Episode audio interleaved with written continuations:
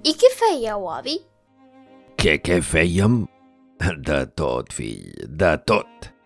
Des de acabar els llibres a mig llegir que teníem repartits per tots els racons de casa, fins a barallar-nos per veure qui anava a llançar la brossa als contenidors d'escombraries que hi havia a la cantonada del costat emocionar-nos amb la tornada dels falciots ja ben entrada la primavera i sortir a saltar descalços sota la pluja al pati interior d'aquella petita casa al barri del Poble Nou.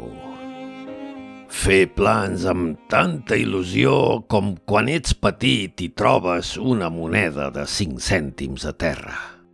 I tot per acabar enganyant-nos a nosaltres mateixos amb el quan tot això s'acabi que no fèiem més que repetir. Esperar l'estiu amb l'esperança de tornar a sentir l'olor del mar. I pensar i repensar quina excusa donaríem al policia que amenaçava de multar-nos si ens enxampava pel carrer anant a trobar la xicota que no vèiem des de feia dues setmanes. Intentar entendre com aquella bèstia s'havia endut la nostra àvia d'un dia per l'altre i com el pare i la mare ens deien que havíem de ser forts mentre els regalimaven llàgrimes galtes avall. Tot i això, estar tancats a casa no va ser el pitjor, saps?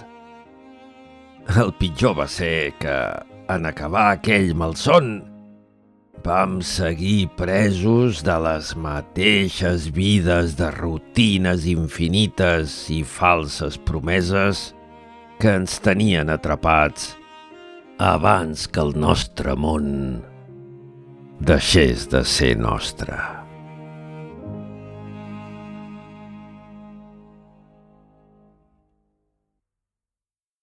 El vol dels falciots, pseudònim de l'home rebel.